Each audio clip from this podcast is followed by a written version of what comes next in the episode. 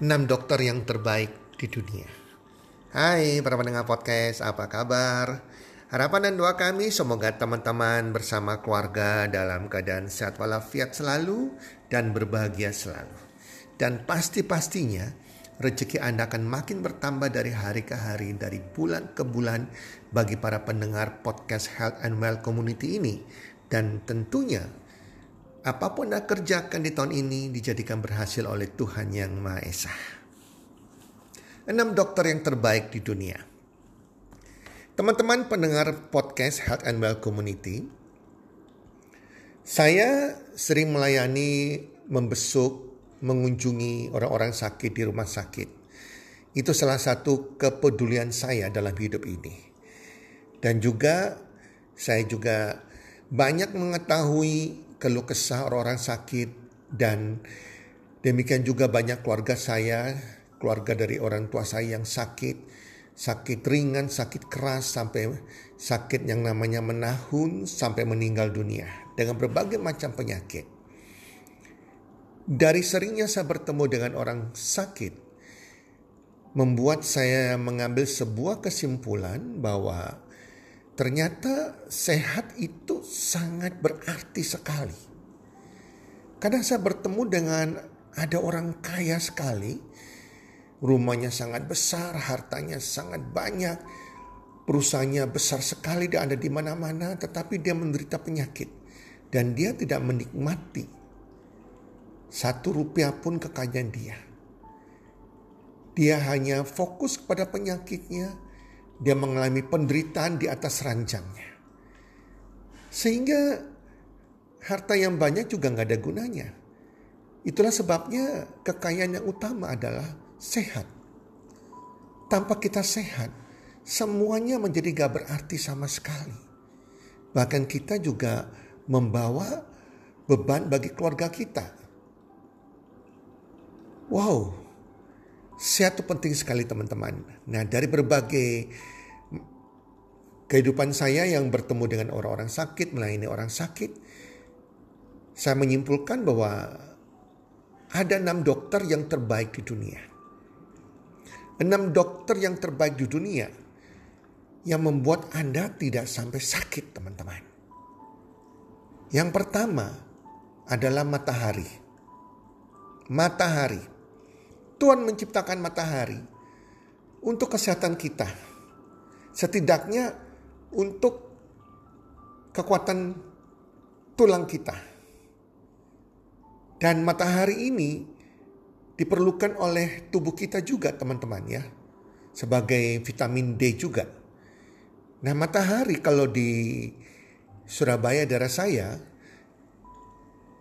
di Indonesia bagian barat, matahari terbaik untuk mendapatkan vitamin D, sumber vitamin D adalah antara jam 10 sampai dengan jam 12 siang. Setiap daerah berbeda. Yang penting menurut saya, kita melihat matahari ini masih bagus untuk kesehatan kita atau tidak dari cahaya bayangan kita di matahari tersebut. Jika Anda berdiri dan bayangan Anda itu lah kena sinar tubuh Anda kena sinar matahari dan bayangan Anda tuh lebih panjang, lebih tinggi dari tinggi tubuh Anda, itu mataharinya masih bagus.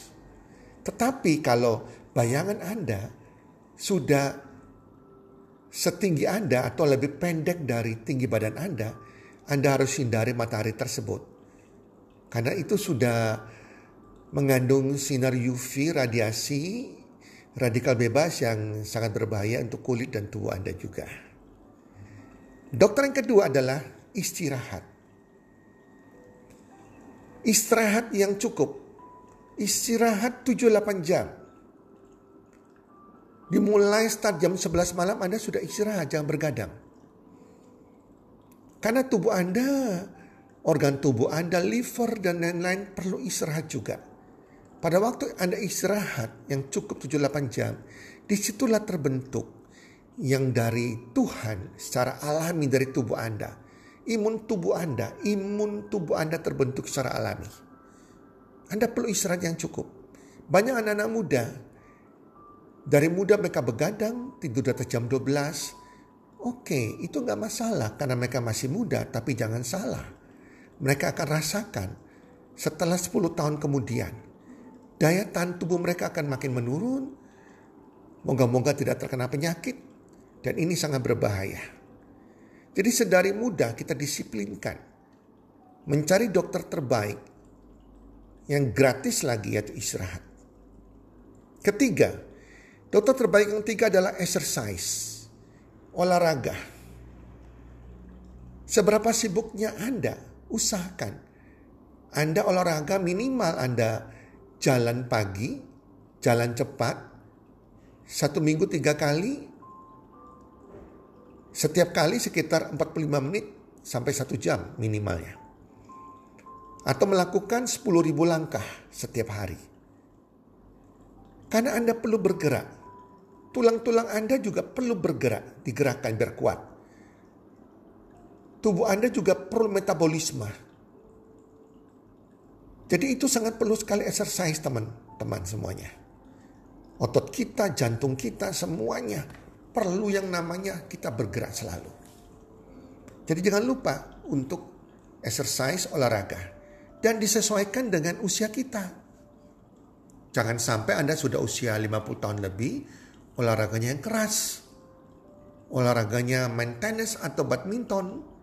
Itu juga bisa berbahaya teman-teman ya. Nah yang keempat adalah dokter yang terbaik di dunia keempat adalah diet. Diet adalah pola makan Anda.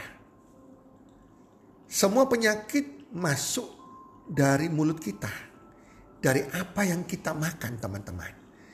Dan itu baru timbul setelah bertahun-tahun teman-teman. Jadi tubuh kita ini menumpuk penyakit dari pola makan kita yang salah. Bulan ke bulan, tahun ke tahun, maka namanya penyakit degeneratif.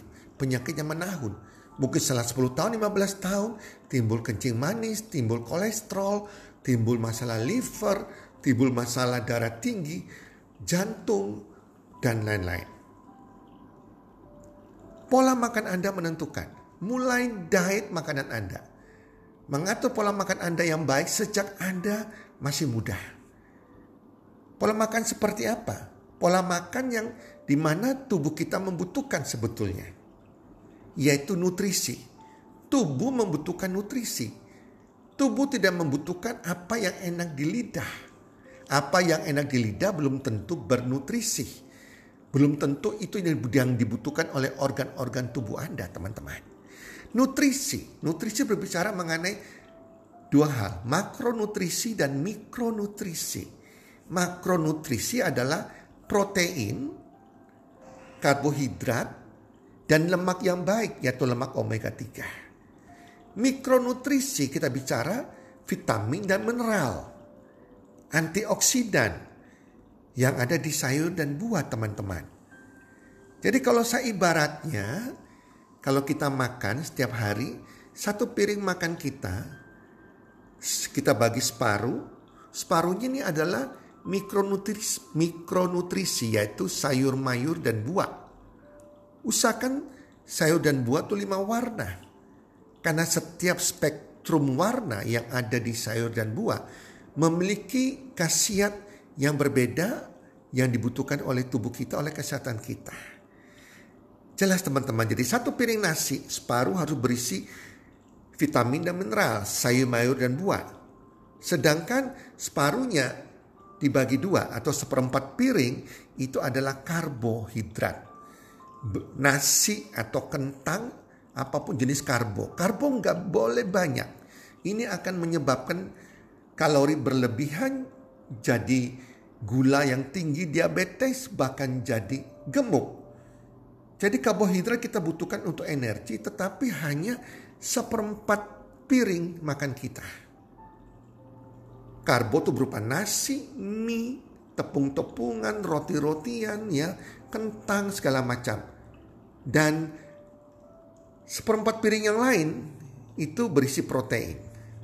Protein saya dapatkan dari satu potong daging ayam, daging sapi, tempe, tahu itu mengandung protein, telur itu mengandung protein teman-teman. Ya, dan Anda harus hindari diet Anda Segala sesuatu yang minuman yang bersoda, minuman yang manis-manis, hindari gula, hindari gorengan, hindari karbo yang berlebihan, hindari tepung-tepung yang berlebihan. Karena itu membuat penyakit teman-teman. Dan jangan lupa diet Anda harus cukup yang namanya air putih yang sehat. Air putih yang sehat teman-teman ya. Nah, berapa banyak kebutuhan air putih setiap orang berbeda-beda, teman-teman. Intinya, berat badan Anda kali 30 ml. Kalau Anda 70 kilo berat badan Anda dikali 30 ml air, berarti 2,1 liter air yang Anda butuhkan, Anda konsumsi dalam satu hari untuk kecukupan yang dibutuhkan oleh tubuh Anda. Dan jangan lupa yang terakhir, ini yang terpenting di situasi zaman now seperti ini di mana kita juga gak mencukupi makan sayur dan buah lima warna, kita juga kurang omega 3-nya, kita kurang protein juga karena ada beberapa ada sembilan macam protein yang esensial yang kadang tubuh tidak bisa produksi. Padahal itu penting sekali bagi kesehatan tubuh. Itulah sebabnya kita butuh food supplement, makanan tambahan. Ini kewajiban sudah untuk kesehatan kita, untuk investasi kesehatan kita. Tetapi food supplementnya ini harus memenuhi kriteria tertentu. Jangan Anda asal beli teman-teman. Jangan Anda asal percaya omongan daripada bahasa marketing teman-teman ya. Kesaksian-kesaksian yang yang palsu nggak benar. Anda harus jeli. Cari food supplementnya jelas-jelas sudah ada BPOM-nya teman-teman. Dan dia punya pabrik suplemen sendiri. Bukan pabrik obat. Bukan food supplement yang diproduksi oleh pabrik obat.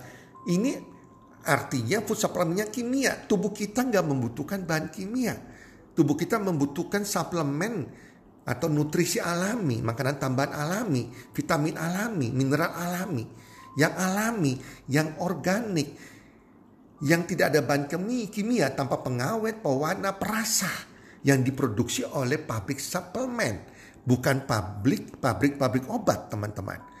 Tubuh kita membutuhkannya alami, bukan bahan kimia, teman-teman. Kalau kita konsumsi food supplement yang salah, vitamin mineral yang dari bahan kimia itu tidak tidak bedanya dengan obat. Jangka panjang akan jadi masalah bagi ginjal Anda juga. Yang kelima, dokter kelima adalah percaya diri. Percaya diri, Anda harus percaya diri Anda. Kalau Anda percaya diri Anda, Anda gak mudah stres. Anda tidak mudah tertekan. Karena kalau Anda stres, di situlah muncul penyakit muncul hormon kortisol, hormon yang jahat yang bagaimana dia memunculkan radikal bebas berkembang biak beratus kali lipat dalam tubuh Anda. Penyakit-penyakit juga berkembang biak dengan cepat, sel cancer dan lain-lain. Anda harus percaya diri. Anda tidak boleh punya rendah diri, mudah stres. Anda percaya diri, Anda punya pengharapan, Anda punya iman, Nah itulah juga dokter terbaik diri Anda sendiri. Yang keenam, friends, teman-teman. Jadi teman-teman adalah sebuah dokter terbaik. Kumpul dengan teman-teman yang positif, teman-teman sahabat yang terbaik walaupun tidak banyak gak apa-apa mungkin dua tiga orang tetapi teman-teman yang saling menunjang teman-teman yang saling menguatkan teman-teman yang saling menghibur teman-teman yang di mana kita bisa saling share teman-teman yang saling mendukung Nah ini teman-teman sahabat teman-teman itu juga dokter terbaik. Karena manusia tidak bisa lepas daripada sosialisasi persahabatan. Kalau kita cuma sendiri gak berteman, wah itu juga gak bagus, timbul penyakit teman-teman ya. Nah jadi hindari teman-teman yang fake, teman-teman yang palsu toxic people, teman-teman yang beracun, walaupun itu saudara Anda sendiri, keluarga Anda. Hindari mereka. Teman-teman yang nyebar go, gosip, hoax, bicaranya negatif melulu. Teman-teman yang nggak bisa memberikan nilai tambah. Itu juga menjadi penyakit bagi kita. Jadi kalau Anda punya teman-teman yang positif, bisa memberikan nilai tambah. Tempat saling curhat, saling mendukung satu dengan yang lain, saling mendoakan satu dengan yang lain. Itu adalah dokter yang terbaik, teman-teman. Nah, teman-teman, jika kita memiliki enam dokter terbaik tersebut dalam hidup kita. Setiap jenjang usia kita, setiap level umur kita, kita akan menikmati hidup yang sehat dan hidup yang bahagia. Semoga podcast kali ini memberkati Anda semua dan menjadi, memberikan manfaat bagi Anda semua para pendengar Health and Well Community. God bless you all dan salam sukses. One, two, three.